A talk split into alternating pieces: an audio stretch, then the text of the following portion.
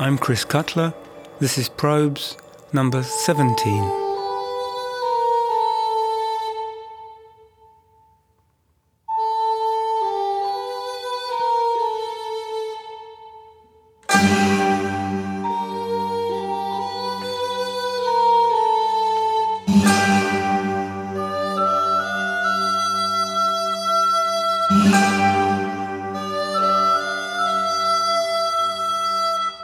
Probes 11 to 15, we examined the appropriation and repurposing of ancient and folk instruments.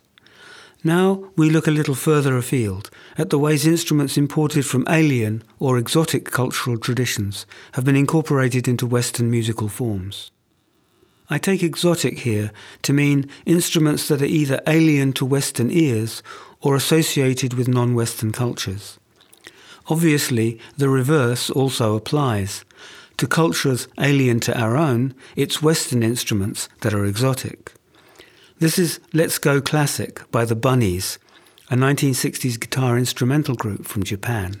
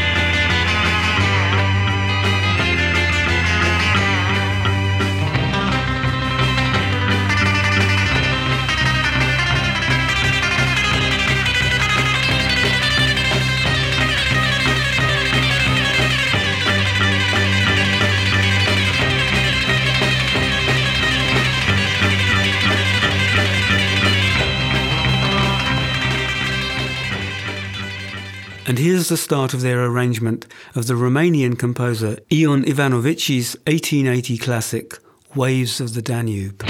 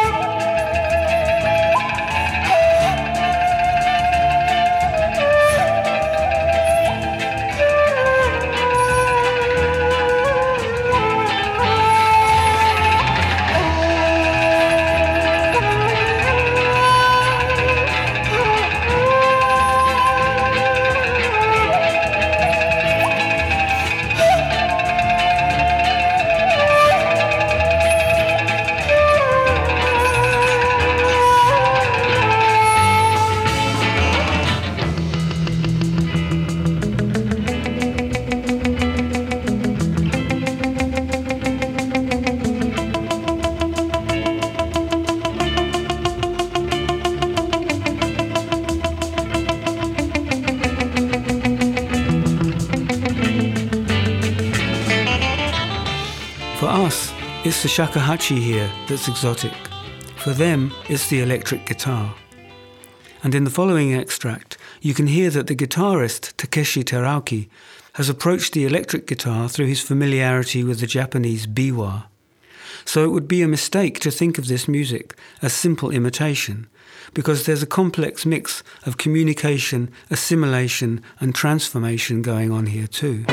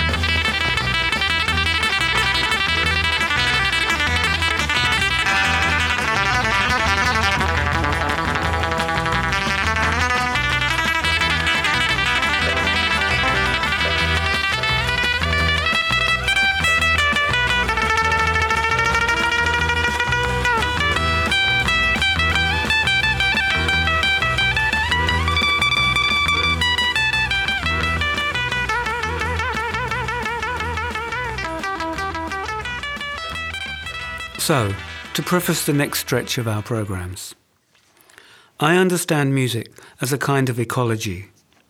Certainly, its mechanisms are ecological. As people migrate, they carry their cultures and their cultural artifacts with them. And when they travel, they collect new ideas and unfamiliar objects and bring them home. Inevitably, then, in a connected world, all musics will be mongrel musics, and their histories will be a record of the endless transformations effected by the assimilation of ideas and objects from outside by uprooting and dispersing individuals and communities, famine, war, scholarship, trade, and imperial ambition have acted throughout history as vectors of cultural evolution. And in the early modern period, as travel became faster, cheaper, and safer, we can add tourism and structured migration to that list. It's no wonder then that America came to play such a critical part in the transformation of 20th century musical life when the people and cultures of Africa, large parts of Asia, and the whole of Europe were decanted over a relatively short space of time into one big petri dish and left to evolve, with the implacable forces of modernity cutting off all retreat. More importantly, and what makes this period unique, is that it marks the opening of an era in which presence ceases to be the primary engine of musical communication. Before 1877, people had to move. After 1877, in principle and then in fact, you could stay at home and the world would come to you. First on cylinders and discs, then through radio, television, tape, cassette, and compact disc, and now from the World Wide Web. There's no there and no here anymore, when any space can be filled with any other space, and any time with any other time. But the first collision in the period we're examining came from bodies that moved. In his published remarks on the 1899 Universal Exposition in Paris, Claude Debussy makes no mention of the three modern harpsichords that Pleyel, Erard, and Tommasini launched in that year. But he does declare himself profoundly impressed by the Javanese gamelan that played every night in the recreated Javanese village on the festival site. Javanese music, he wrote, obeys laws of counterpoint that make Palestrina seem like child's play. And if one listens to it without being prejudiced by one's European ears, one will find a percussive charm that forces one to admit that our own music is not much more than a barbarous kind of noise. He made repeated visits to the village, taking copious notes, and like his friend Erik Satie, went on to probe both the timbral and compositional ideas he'd gained from the experience in his own work. But neither composer made any attempt to use the instruments themselves, not least because the tuning conventions of the two musical systems were so irreconcilably different. It made the gamelan effectively impossible to integrate into a Western ensemble. Three decades later, it's the Canadian composer Colin McPhee who hears the Balinese gamelan, this time on record. In fact, on the only commercially released record of the gamelan that existed at the time. It was an experience, he said later, that changed his life. Three years later, in 1931, he and his then wife, the anthropologist Jane Belo, left America for a seven year trip to Bali, where McPhee spent his time studying and performing with the traditional gamelan orchestras. So when in 1935 the composer Carlos Chavez invited him to Mexico to write something based on his researches, he gladly agreed, and in a fairly short time produced the strongly gamelan-inspired Tabu Tabuhan, toccata for orchestra and two pianos, for which some specially tuned gamelan gongs were made. Although the piece was a critical success, it had very little immediate impact outside Mexico, and it was 17 years before it was performed again. If you think you hear echoes of certain minimalists here, remember that this piece predates them by some 30 years. Here's a brief extract from the first movement.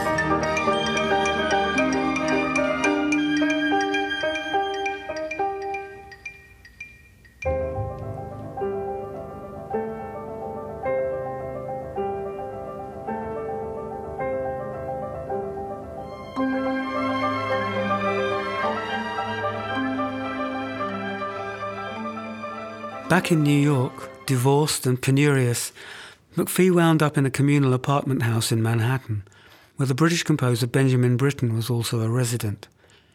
McPhee introduced Britten to the gamelan, and in 1941 the two men recorded some of McPhee's gamelan transcriptions for two pianos. Here's one of them, Pemoengkah.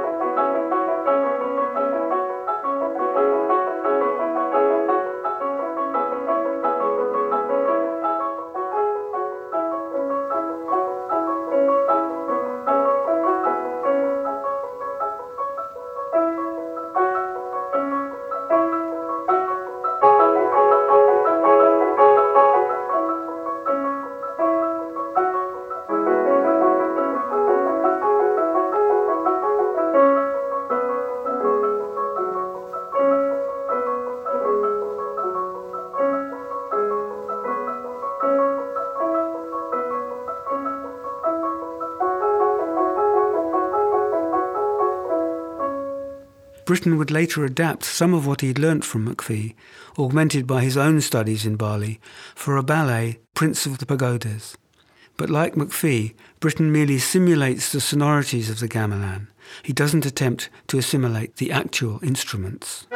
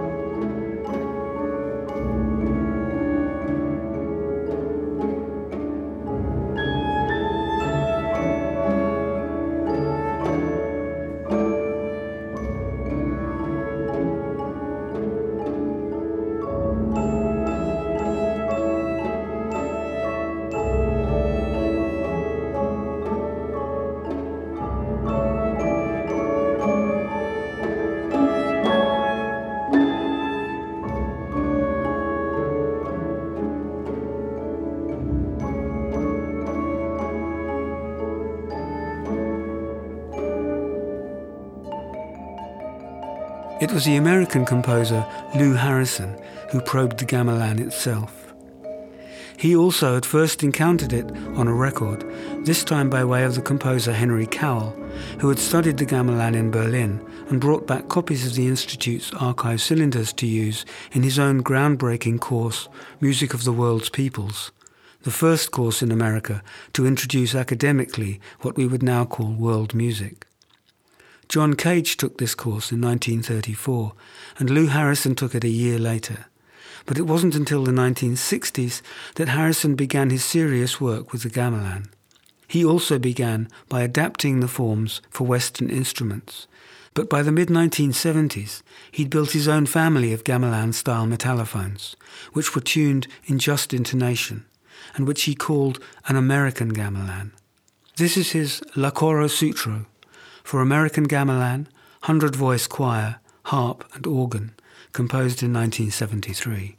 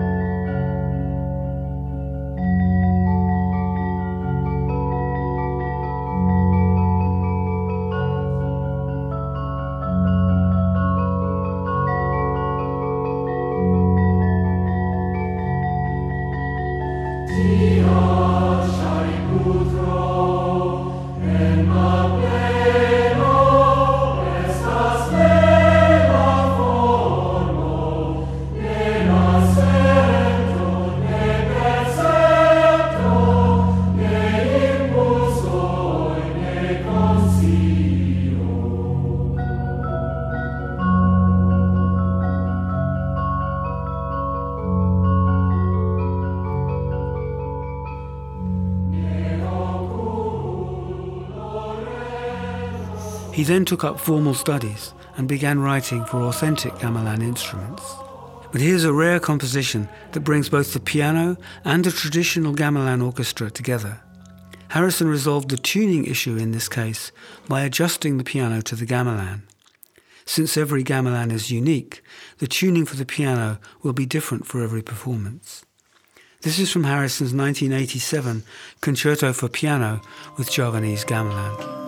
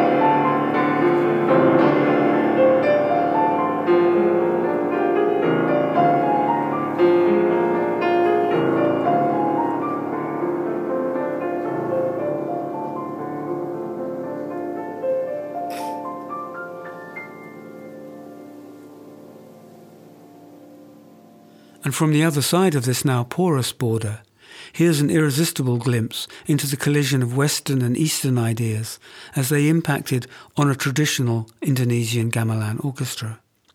This is gamelan jazz ensemble Kiai Fatahillah, a very young and enthusiastic group recorded at a festival in Portugal. I have to apologize for the sound quality.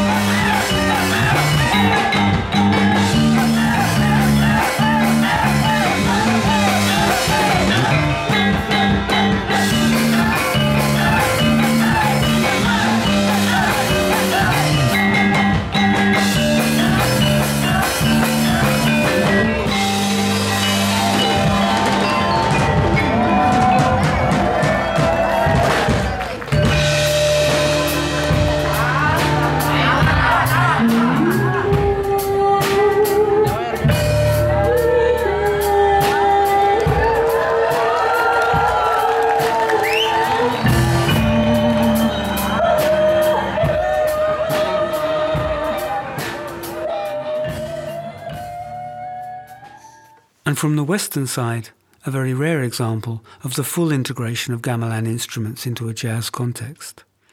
This is from the trumpeter and multi-instrumentalist Don Cherry's classic recording, Eternal Rhythm. The gamelan, played by himself, vibraphonist Karl Berger and drummer Jacques Thollot, is combined with two trombones, a guitar, bass, bells and miscellaneous percussion. This is also a live recording, made at the 1968 Berlin Jazz Festival.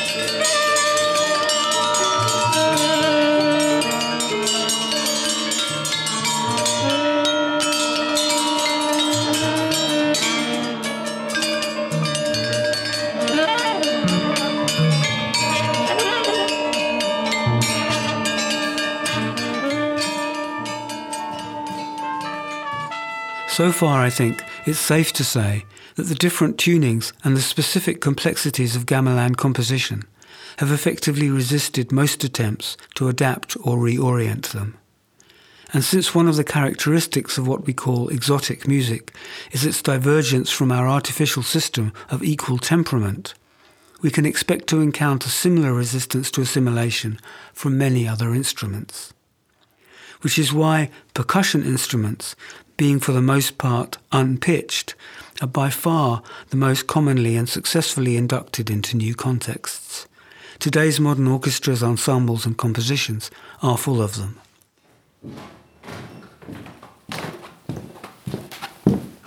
That said, of course, none of the percussion in the classical orchestra is in any way indigenous. It's all been imported at some time or another. Timpani, for example, were brought back from the Middle East sometime in the 15th century, making the shift from army to orchestra in the mid 16th.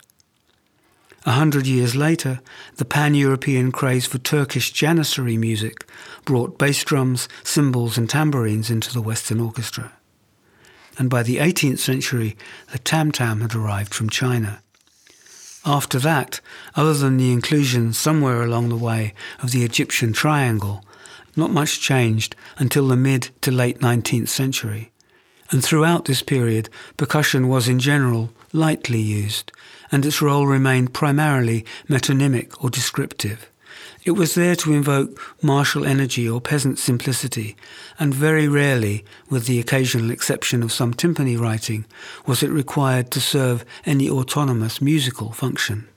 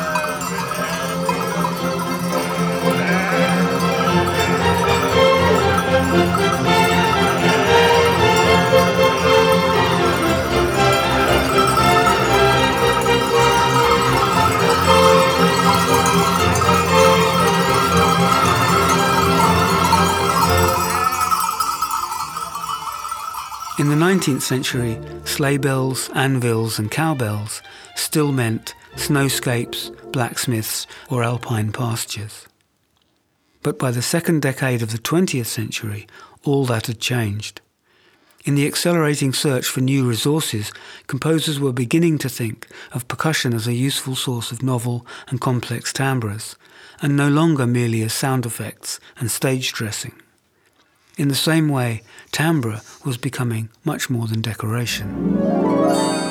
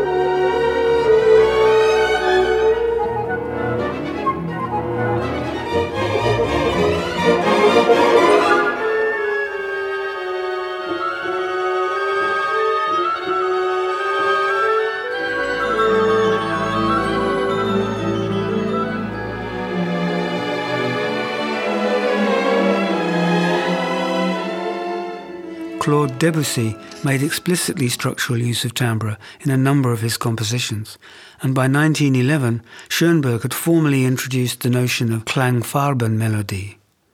But both men were still thinking about conventionally pitched instruments and how to manipulate tonal color through the combination or alternation of their different harmonic spectra. It was in this period, too, that the Russian painter Vasily Kandinsky was making his definitive break with figurative painting and flying serious probes into the autonomous use of colour. When he heard Schoenberg's second string quartet, he said its author had managed to realize in sound what he had so long sought to realize in painting. There's some justice to this sentiment, but I don't think it really holds up. The man who really achieved that breakthrough some 12 years later was the French composer Edgar Varèse. Varèse had emigrated from Paris to New York in 1915, a few months after his fellow countryman Marcel Duchamp. On arrival, Varèse immediately joined Marcel and the New York Dadaists, and within a few years had established an ensemble dedicated solely to the performance of new works. Meanwhile, between 1918 and 1921, he'd completed his own groundbreaking composition, Amérique, a vast, revolutionary work that called on the resources of an unprecedented 13 strong percussion section, not to mention the wind machines, whips, sirens, boat whistles, and slapsticks.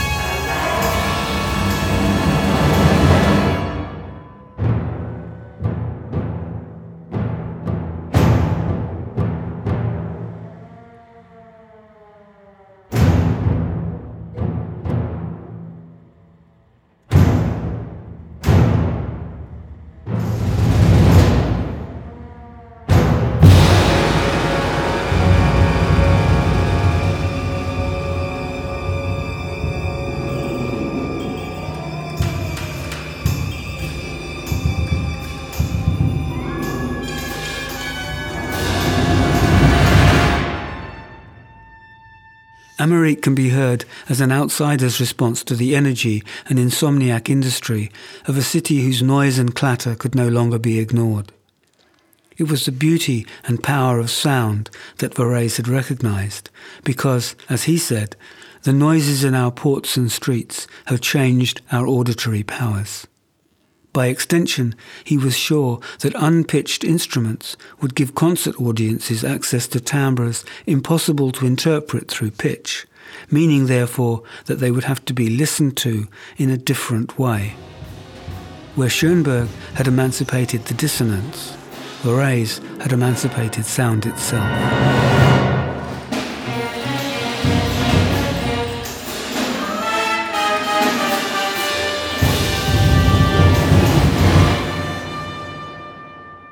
By 1931, Varèse had driven his convictions to their logical conclusion, addressing unequivocally any residual doubt about whether or not there could be music without pitch.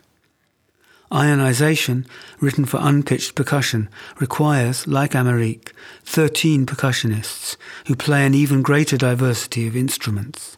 Three sizes of grand cassa, two tenor drums, two snare drums, a pair of bongos, a tambourine, one military snare, one piccolo snare, various cymbals, three tam-tams, a gong, a pair of anvils, two triangles, some sleigh bells, a glockenspiel, a set of chimes, a cowbell, three temple blocks, a lion's roar, a whip, maracas, castanets, claves, a guiro, and two sirens.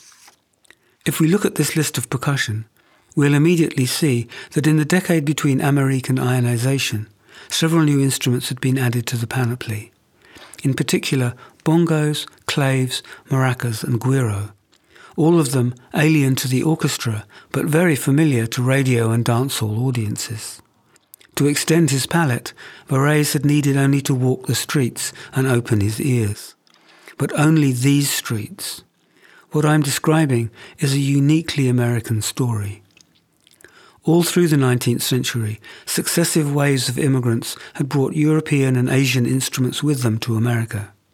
Some had stayed inside their own communities, but many slipped into the public domain, especially percussion instruments. And by the early 20th century, ragtime, jazz, and vaudeville drummers had cobbled together increasingly elaborate trap sets that mixed drums, gongs, and temple blocks from China, cymbals from Turkey, cowbells from Germany, orchestral timpani, marching drums, and whatever else took their fancy. Their employment in the silent cinema, mixing music and foley work, only widened their search for unusual sounds.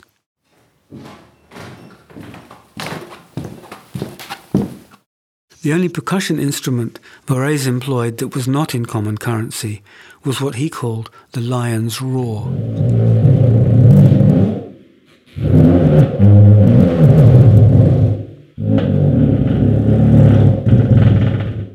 This is what musicologists call a friction drum. It's made by fixing rosin, string, or rope to the center of a drumhead and making it sound by pulling it taut and then dragging your clenched hand or a wet cloth along its length. Varèse didn't find this in the street. Although friction drums do exist in most of the world's cultures, I'm sure Varèse adopted this idea from his friend Luigi Russolo's notorious Intonarumori, since several of them worked on this traditional principle.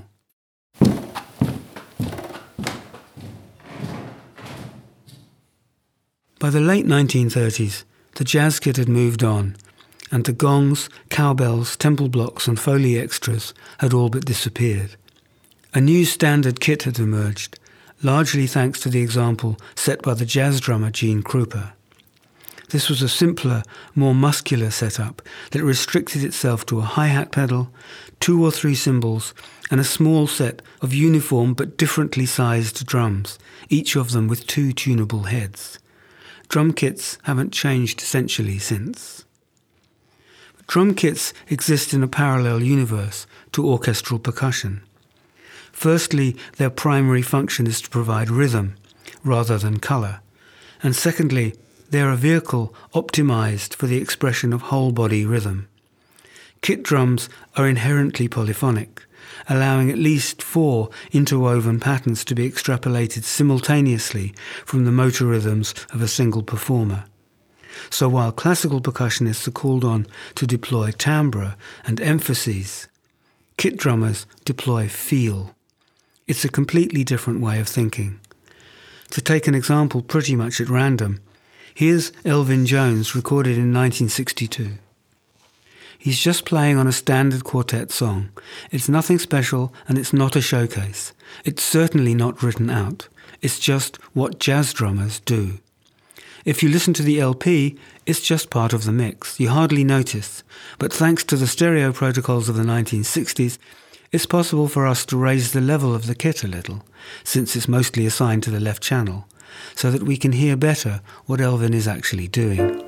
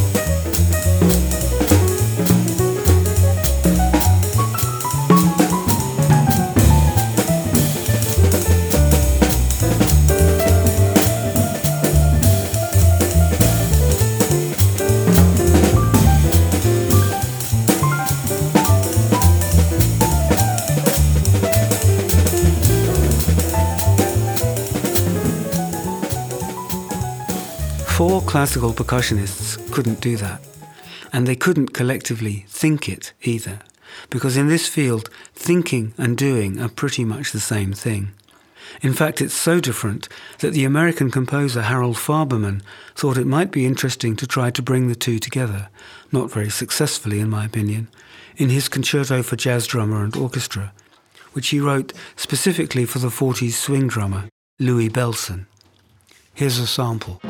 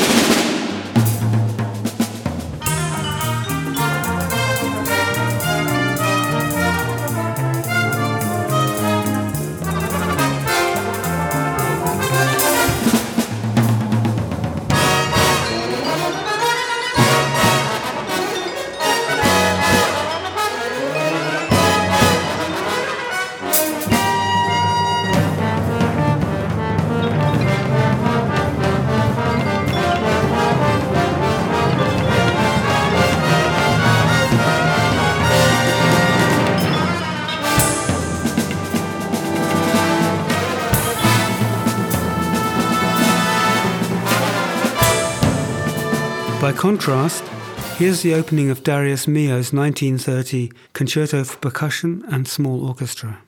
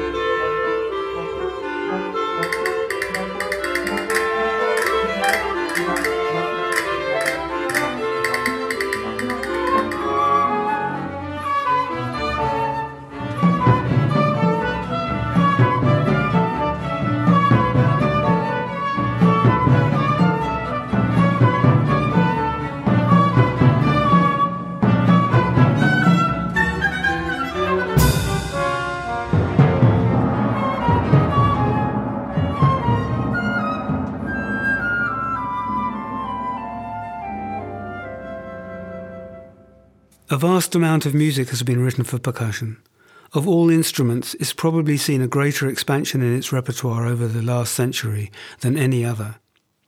Here's a brief extract from the Mammoth Erewhon, a 67 minute marathon in five parts by the French spectralist Hugh Dufourt, in which six percussionists and 150 of the world's percussion instruments try to speak as one.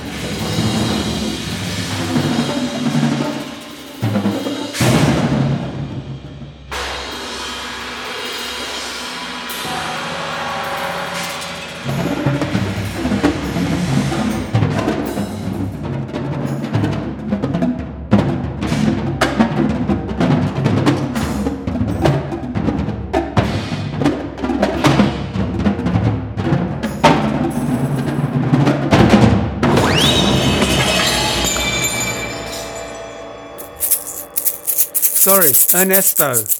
I forgot. They cut our time this week. Sorry. Uh, we'll have to do the Maraca Concerto in the next program. Yeah, I know. Yeah, my people will talk to your people. It'll be cool. Sorry, you guys. I'm Chris Cutler. This has been Probes.